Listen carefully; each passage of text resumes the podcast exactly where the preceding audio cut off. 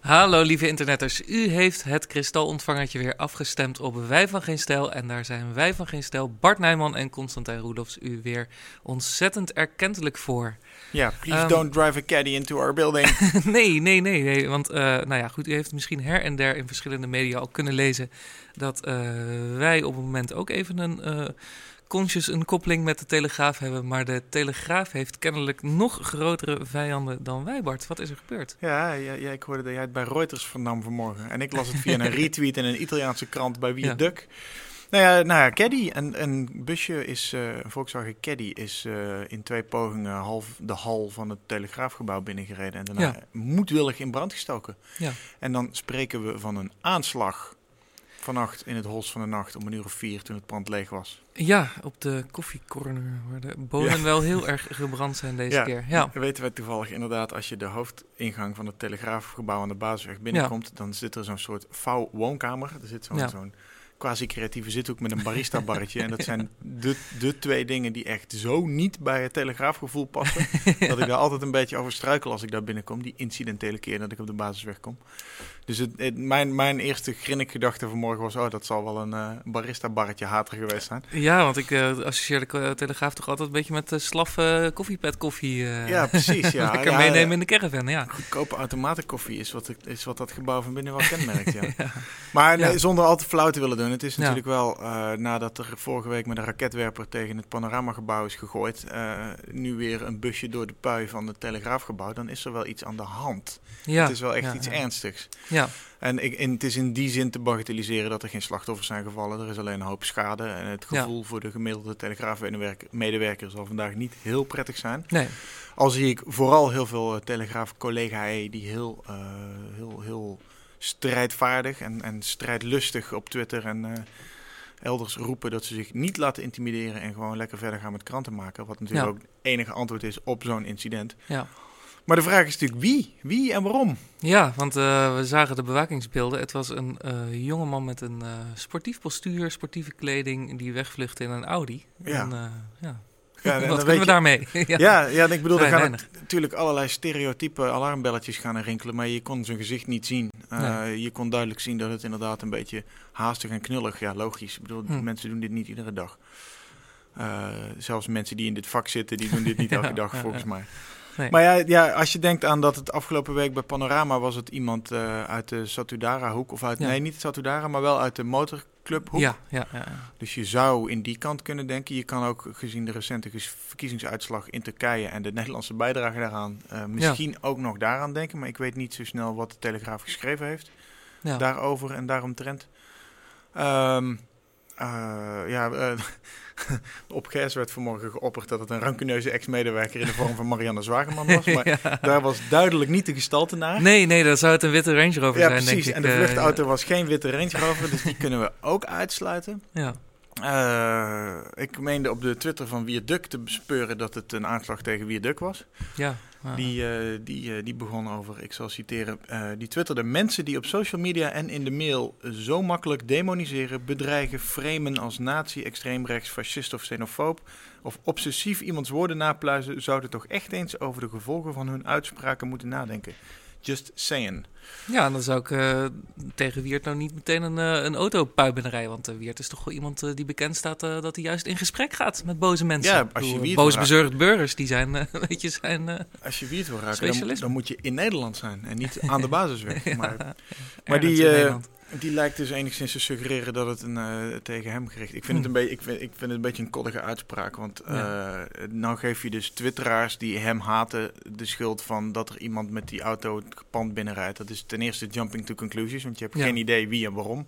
Ja. En ten tweede is een anoniempje wat op wie duk zit te haten, of een niet-anoniempje, is echt niet voor iemand een trigger om in zo'n auto te stappen en door die pui heen te rijden. Van, Nee. nou ben ik het beu. Nee, en het is ook een beetje het, het argument uh, wat altijd uh, over hem wordt gebruikt. Hè, van het maatschappelijk klimaat. Alsof dat uh, de aanleiding is om individueel dit soort daden te doen. Dus, ja, precies. Het, is allemaal, het heeft een hoog podcast. Het, het, is hetzelfde verhaal als ja, als je ISIS-propaganda kijkt, dan wil je ook mensen gaan onthouden. Ja. Het, is, het is gewoon niet zo. Nee. Dus de, laten, we, laten we dat argumentje maar afserveren als onzin. Ja. En, uh, nou ja, Maar het is wel zorgwekkend. Ik bedoel, eh, de, de vergelijking werd al getrokken tussen eh, ja, een aantal knoflooklanden. Mexico, Sicilië, eh, allerlei ja. mafioze... de Mico Floor die ook ineens ja. twittert dat hij zijn land niet meer herkent. Eh, dat dit niet het land is wat, wat hij kent of herkent of zo. Ik denk van, ja, jezus. Ja, dat is toch ook wel zo, ja. Ja, maar het is natuurlijk niet meer... Want eh, de Paul, eh, Paul Jansen, de hoofdredacteur van de Telegraaf, zei op een filmpje dat het Siciliaanse toestanden waren. En mijn eerste gedachte was, wanneer is er voor het laatst op Sicilië een auto in een redactie binnengereden? Het is, het, het zijn, ik, ik snap het wel in de adrenaline van zo'n zo'n gebeurtenis dat je dit soort dingen roept. Maar het is... De, Nederland is niet meteen een bananenrepubliek omdat, omdat iemand dit gedaan heeft. We weten dus nog steeds niet wie en waarom. Dus ik, ja, Ja. ik, heb nog, ik ben misschien een beetje te bagatelliserend, maar ik dacht van ja, een leeg pand op een doordeweekse nacht. mm, Nou ja, ik, ik vind het wel op zich. Ik bedoel, de Telegraaf die schreef een paar maanden geleden dat Nederland een narco-staat is geworden. Maar, eh, doordat eh, half Brabant vol ligt Ja. met tonnen drugsafval en dat- liquidaties en de mokromafia. En, en daar, daar komt dus nu blijkbaar ook de intimidatie die we dus inderdaad kennen uit eh, Nou ja, maar landen als Mexico. Komt er ook bij kijken. be that as it may, eh, het beschrijven van de vondsten van drugsvaten en van dat soort dingen, daar wordt niemand, niemand specifiek bij naam bij genoemd. Ik bedoel, Omroep Brabant staat iedere dag vol met foto's van blauwe, blauwe dumpvaten in het bos. Hm. Dus als dat al, de- de- dat is niet specifiek genoeg als aanleiding. Sterker nog, je wilt dat soort aandacht volgens mij helemaal niet op je vestigen. Dus dan, dan moet iets specifiekers gebeurd zijn. Alleen maar schrijven dat Nederland een narco-staat is geworden. Dat, Nou ja, nee, maar dat, dat ging er dus juist om dat de, de intimidatie van het lokale bestuur. Dat daar wethouders werden bedreigd, dat daar huizen van eh, lokale bestuurders werden beschoten. ja, maar werden dat- er namen van daders bij genoemd? Want dat soort nou ja, dat is, de, gewoon die, die drugskartels die daar opereren.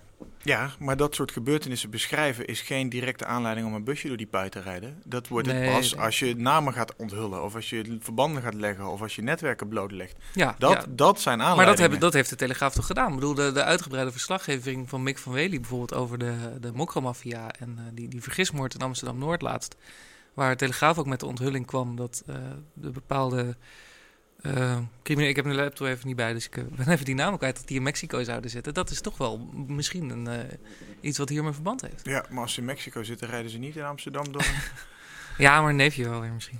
Nee, ik, vind, ik hou voorlopig. eh, ik, ga ik wil er niet te veel op speculeren wie het geweest is. Want ehm, Ja, eh, je- we weten het gewoon echt nog niet. Vorige week bij Panorama hadden ze dezelfde dag nog een verdachte te pakken. En eh, die, eh, dat was ook de dader volgens mij. Die, dat was onmiskenbaar de, de, de Hm. verdachte. Hopen dat ze vandaag voor het eind van de dag ook ergens een goede aanknoping vinden. En eh, dat, we dan, dat we dan straks meer weten.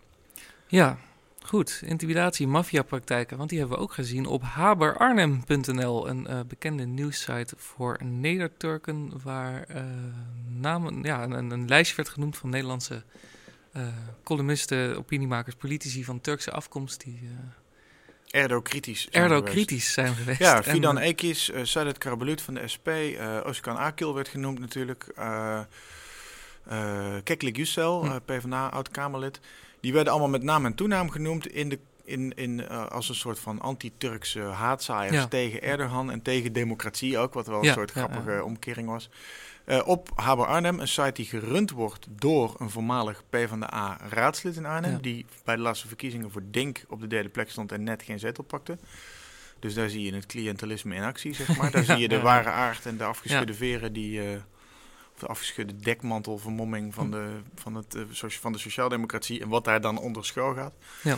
Maar dat is inderdaad weer zo'n typische uitkomst van eh, de winst van Erdogan in Nederland. eh, en het hoge percentage Turkse kiezers dat op hem gestemd heeft. Ja, want met slechts drie stembureaus toch 46 eh, op procent opkomst halen. Ik bedoel, de Ja. Europese Unie haalt een stuk minder. Ja, En dan kun je ook duurzaam stemmen. Turken konden Ja. in Nederland stemmen in, ik meen, Rotterdam, Amsterdam en Deventer.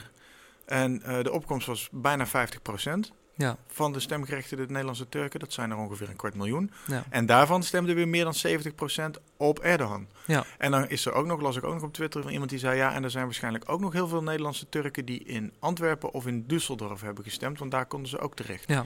Dus, het zijn, dus de opkomst is mogelijk nog wat hoger. En Ja. eh, nou ja, dat is het aantal stemmen voor Erdogan zal navenant weer toegenomen zijn. Ja. En behalve dat er een hoop getoeter in de straten was eh, op sommige plekken afgelopen zondagnacht, na de, nadat Erdogan zichzelf als winnaar uitriep, Ja. zijn dit dus ook een soort backlashes van eh, eh, ja, wat reactieve Turkse, Turkse afkeer van hun eigen land, landgenoten in Nederland. Ja, ja, ja. Die zich kritisch uit op Erdogan. En dat is, ik vind dat toch wel beklemmend hoor. Ik bedoel, in Turkije kun je al niet kritisch zijn op Erdogan. Nee. Uh, behalve in verkiezingstijd, dan mag je dus kennelijk wel gewoon oppositie voeren. Ja. Daar heb ik me ook nog enigszins over verbaasd dat dat uh, zo openlijk kan. Ja. Maar dat is nu waarschijnlijk ook weer heel snel terug. Uh... Zij het vanuit de gevangenis? En, ja, nou ja, die ins, ja. die ins in Izmir, die trok natuurlijk miljoenen mensen. Die allemaal openlijk wel de steun aan hem durfden verklaren. Maar hier in Nederland is het dus ook gewoon, is het gewoon gevaarlijk om, om kritiek op Erdogan te hebben. Je merkt dat zelfs als Nederlandse twitteraar al, als je kritisch op Erdogan twittert, uh, je kan over de islam kun je vaak zeggen wat je wil. Ja. Daar komt er bijna nooit iemand op je social media op je af. Uh, Ja. en als het iemand is, dan werken ze bij de Groene of bij de Volkskrant. ja, ja, ja. en is het geen echte, geen imam of salafist of whatever. Terwijl als je over Erdogan of over, over de Turkse situatie gaat twitteren en je daar kritisch op bent, dan komen de Turken uit alle hoeken en gaten om je de oren te wassen. En ik kan me voorstellen dat voor Nederlandse Turken die eh, seculiere eh, progressie prediken, zoals een Keklik Yücel of, een- of die zich eh, eh, toch wel enigszins kritisch durven opstellen, eh, zoals Oscar Akil. Ik ben Ja. geen fan van de man, maar hij zegt op gepast terughoudende wijze in verhouding tot zijn bekendheid toch wel regelmatig dat hij Erdogan niet zo, eh, Ja, niet zo ziet ja. zitten. En hij werd in dat Haber-stukje werd ook nog even subtiel verwezen naar waar hij ongeveer woont. Dus dat, ja, ja, ja, ja. ik, ik zou daar toch... eh, En ze zijn, eh, ze zijn dus antinationalistisch en eh, dus niet nationalistisch in een land waar ze niet eens wonen. wat, wat een groot deel van die Erdo-Turken natuurlijk in Nederland wel is. Ja. Wat compleet gek is. Ik bedoel, ik, eh, ik moest ook wel gewoon een beetje lachen om de absurditeit van de situatie. Van al die toeterende mensen op het Mercatorplein en zo. Door een tweetje van onze vriend van de show, twitteraar Lewis. Die zei van, eh, ja, ik zou me ook doodlachen als er eh, in Ankara allemaal eh, Nederlanders de straat op zouden gaan om te vieren dat de VVD de verkiezing weer heeft gewonnen. ja. het, is, het is gewoon echt een absurde situatie. En, En- ja, en het, is, het is een uiting van ja, zoeken naar de sterke leider. Er zit, een, er zit een, een charme rond Erdogan die wij niet begrijpen, maar die voor veel mensen toch kennelijk een effect heeft. Hij onderhoudt die diaspora heel goed. doet allerlei verkiezingsbeloftes eh, die voor Turken buiten Turkije heel gunstig zijn. Dus de, Ja, want het, het, het pro- pro-Erdo-blog Dutch Turks had het eh, even netjes voor ons opgesomd. Eh, dus, dus dat je met je buitenlandse auto in Turkije mag blijven rijden, je buitenlandse mobiele telefoonabonnement, eh dienstplicht afkopen veel goedkoper is geworden. Dus Ja. er wordt wel degelijk gepaaid, de achterban wordt ja, gepaaid. het zijn, de, het zijn de kassakoopjes van de, van de, van de verkiezingsbe- onder de verkiezingsbeloftes. Ja. Maar ze zijn wel precies degene waar de Nederlandse Turken dus kennelijk gevoelig voor zijn. En ze voelen zich onder Erdogans woorden of propaganda of, of onder zijn politiek misschien kennelijk toch beter thuis dan onder in ons land. Ja, ja, niet dat het uiteindelijk voor Erdogan enorm veel uitmaakt. Ik bedoel, eh, of Nederland nou 100% voor Erdogan stemt of eh, 0%. Ik bedoel, het is maar een, een half procentje op Ja, de, maar de, hele schijnt- verkiezing. Ik lees, Maar- wel, ik lees wel regelmatig dat, hij, eh, dat het voor hem wel heel belangrijk is om die Turkse steun uit het buitenland te hebben. Omdat er in Turkije toch ook wel. Daarom had hij die verkiezing ook vervroegd. Omdat hij toch Ja. vreesde dat als hij in het najaar eh, aan de beurt was, dat het dan moeilijker zou worden voor hem. Ja. En nu eh, heeft hij ook een, eh, hij heeft wel een meerderheid, maar eh, ook weer niet zo overweldigend of zo. Dus, Nou ja, ik denk dat die diaspora vooral gewoon een rol speelt in zijn projectie als Turkije als, als Europese of ja, centraal Middellandse Zee grootmacht. dat ze dus, dus, dus hun, hun, nou ja, ik wil niet zeggen tentakels, maar hun, hun power projection over heel Europa eh, kunnen, kunnen uitspreiden. En, en daarmee dus ook iets hebben om bijvoorbeeld de onderhandelingen met de EU sterker in te gaan. Ja. Eh, op het gebied van vluchtelingen, op het gebied van toetreding tot de EU, op het gebied van eh, handelsverdragen, whatever. Dus ik denk dat daarvoor vooral die diaspora heel belangrijk is. Om, om als een soort pressiemiddel te dienen in de onderhandelingen met, eh, met de westerse regeringen. Turks, eh, de Turkse Europeanen zijn dus eh, de knokploegen van. eh, Nou ja, soms zelfs letterlijk. Ik bedoel dat je in Duitsland ziet dat je echt van die Osmanen hebt, van die motorbendes. heb je weer motorbendes en, Ja. en, en boksverenigingen waar je gewoon echt... ja, dat, dat krijg je wel. En ja. ja, is toch niet helemaal prettig. Ik heb er geen goed gevoel. Nee, Eh, nee, nee, dat is sowieso niet. Het is eh, iedere keer moet je, want we, we hebben dit nu al een paar keer moeten constateren. Je bent Ja. ook- we zijn iedere keer aan het herkauwen van, oké, we zien weer dat een hoop Turken kiezen voor Erdogan. We zien weer Ja, toeter, getoeter in de straten. We zien weer een zekere intimidatie van Turken naar Turken, maar ook naar eh, de gastsamenleving toe. Rond dat soort verkiezingen. Maar we hebben eigenlijk geen idee wat we eraan gaan of kunnen of zullen doen. Nee, Ik nee. bedoel, we hebben de VVD alleen één of twee keer daar verkiezingsopportunisme op los zien laten en daar ook zetels mee zien winnen. Ja. Maar daar hebben wij allemaal verder helemaal geen ene reet aan. Nee, nee, nee. En vooral de, de, de, de, de gewone Turk in de straat, of de Nederlander van Turkse afkomst in de straat, die gewoon hier in Nederland een leuk leventje probeert op te bouwen. Die dus telkens weer wordt teruggefloten door die reactionaire elementen binnen de eigen bevolkingsgroep. Ja. Ik denk dat die het grootst, die, die zijn het hardst door dit soort Ja, en tegelijkertijd door de Nederlandse, eh, door zijn Nederlandse medeburger met argwaan wordt bekeken. Want iedere Ja. keer als er iets is waarbij die Turken zich verenigen rond elkaar, dan Ja. ziet het er slecht uit. Het straalt Ja. slecht af op alle Turken. Ja, ja. En eh, ja, je kan aan de buitenkant van een Turk niet zien of die Erdogan gestemd heeft of daar juist tegen is. En in het laatste geval Nee. zal die eerder zijn mond houden dan in het eerste geval. Dus die Erdo-Turken zijn ook nog eens veel luidruchtiger. Ja, want wat, wat, die, wat die nationalistische Turken natuurlijk willen, is dat er een soort onbreekbare band is tussen dat geloof, tussen dat conservatisme en tussen dat thuisland. Dus als je gewoon een seculiere, op Nederland gerichte, ongelovige eh, Turk bent, ja, dan ben je gewoon, of Nederlander of Turks af, dan ben je gewoon fucked. Ja. En, eh, en, en vandaar dat die intimidatie ook zo sterk is, eh, Ja. denk ik. En ook eh, vandaar ook eh, andersom misschien dat een deel van die Nederlandse Turken voor Erdogan stemt, omdat ze zich hier überhaupt ook niet thuis voelen of welkom voelen. Ja. Of, eh, ik bedoel, het zit, er zit altijd ergens een wisselwerking. Ja, Het ja, werkt ja. natuurlijk twee kanten op. Alleen, ja, dat, dat neemt niet weg dat uiteindelijk eh, eh, die lui wel stemmen op een rep- regressieve, repressieve, dictatoriale president. ja. En ze Ja. dus wel de verkeerde keuze maken. Ja, goed. Over regressieve, repressieve eh, mini-dictatortjes gesproken. Ehm, we gaan nog even naar Femke Halsema. Mijn, Hoezo, jij bent daar fan van? ja, ik heb een beetje een crush op Femi. Dat, Ik werd, ik werd vanmorgen ja. benaderd door EO, eh, EO eh, Dit is de Dag, Radio Ja. 1. Of ik, eh, die, hadden, die hebben vanavond Chris Alberts in de uitzending Ja. om eh, het voor Femke Halsema op te nemen. Te zeggen Ja. dat zij een goede keuze is als burgemeester. Dus, ik kreeg een berichtje of ik misschien als het tegengeluid daar wilde gaan zitten. ik dacht, ja, ik ben ook weer niet, ik ben niet echt invested. Het, het zal me uiteindelijk aan mijn reet roesten. Ik bedoel, Ja. dat partijkartel, gunna partijkartel. Ik, ik denk dat zij het wordt. Ja, want wat er dus gebeurd is, eh, Chris Alberts heeft een lekje gehad van binnen de Stopera. Eh, artikel gepubliceerd over dat er dus intern in de gemeenteraad heel veel weerstand is tegen Femke Halsma. En dat ze daarom liever in de plaats Caroline Gerels willen hebben, eh, voormalig wethouder van de PvdA. Ja. Ehm, en ja, eh, inderdaad, partijkartel, gonne partijkartel. Want nou goed, electoraal heeft de PvdA al twee verkiezingen op rij gigantisch op de flikker gekregen. Amsterdammers zijn die partij echt zat. Ja, en toch dan- zitten ze in de coalitie. Ja, en dan wil alsnog dat systeem, alsnog dat er een PvdA-burgemeester komt. Ja, want ik, moest, ik, Ja. las, ik las in de Telegraaf vanmorgen dat eh, die Gerels, die ligt kennelijk wel goed bij de ambtenarij. En ze kent eh, alle hoeken en gaten van de stopera. Nou ja, het is een consultant geweest die dus voor heel veel geld allemaal van die campagnes als I am Amsterdam eh, heeft verzonnen. Kutletters. ja, precies. Dus het is, het is echt zo'n consultant, weet je, dat is, dat is van echt dat partijkartel, wat van consultancy naar baantjes, consultancy baantjes, weet je wel? Het lekker vangen en dan weer baantjes uitdelen aan andere consultants en dan weer lekker Ik, vangen. bedoel, ik, vind, ik vind verschrikkelijk. Carolien Gerels is een argument voor Femke Halsema. Want Ja. die Gerels is gewoon, is gewoon zo'n totaal... Dat is niks. Dat is leegte. Dat is, een- dat, is, dat, is, dat is een stuk vlees in een paar schoenen. ja. En verder niets. Er zit geen echte persoonlijkheid in. Er zit niks warms achter. Er zit geen, niet, geen echt overtuigend karakter in of zo. En ja, wat je van Halsema ook vindt, ze heeft wel karakter. Ja. Ik, vind het geen leuk karakter. om niet te zeggen dat ik het een fakes van de wijf vind.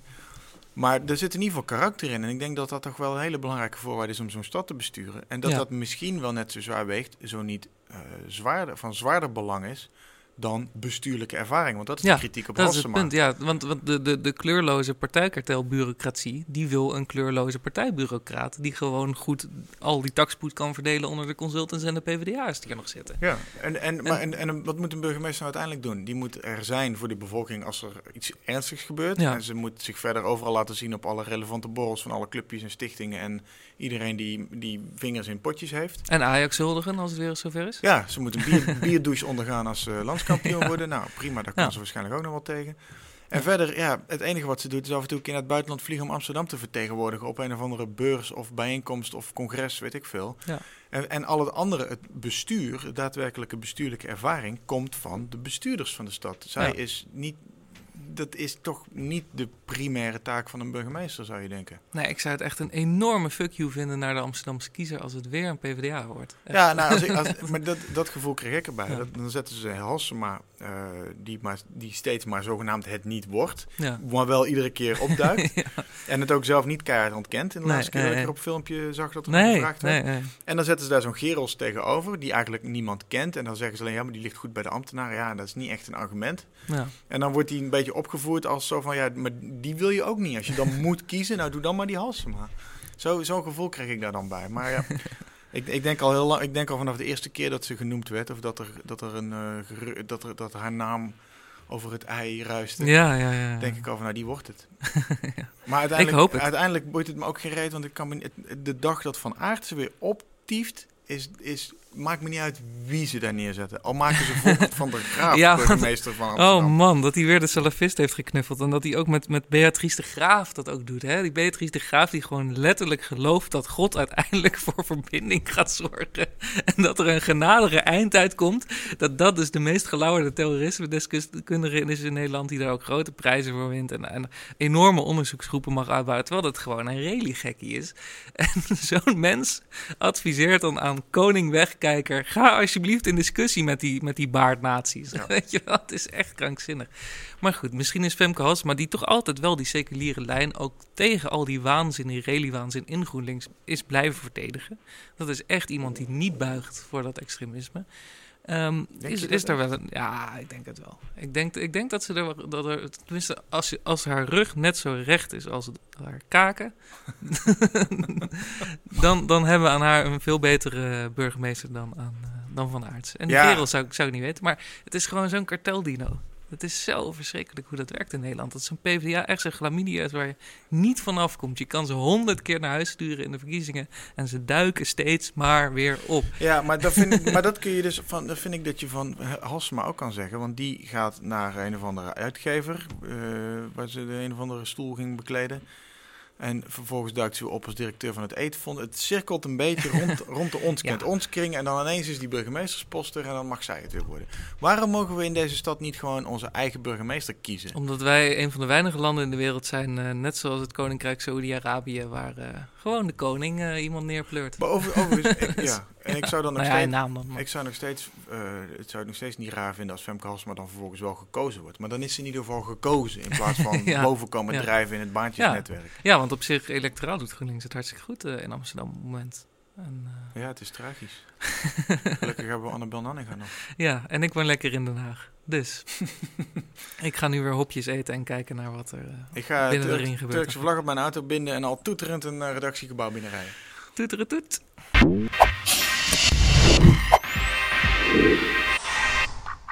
Ah!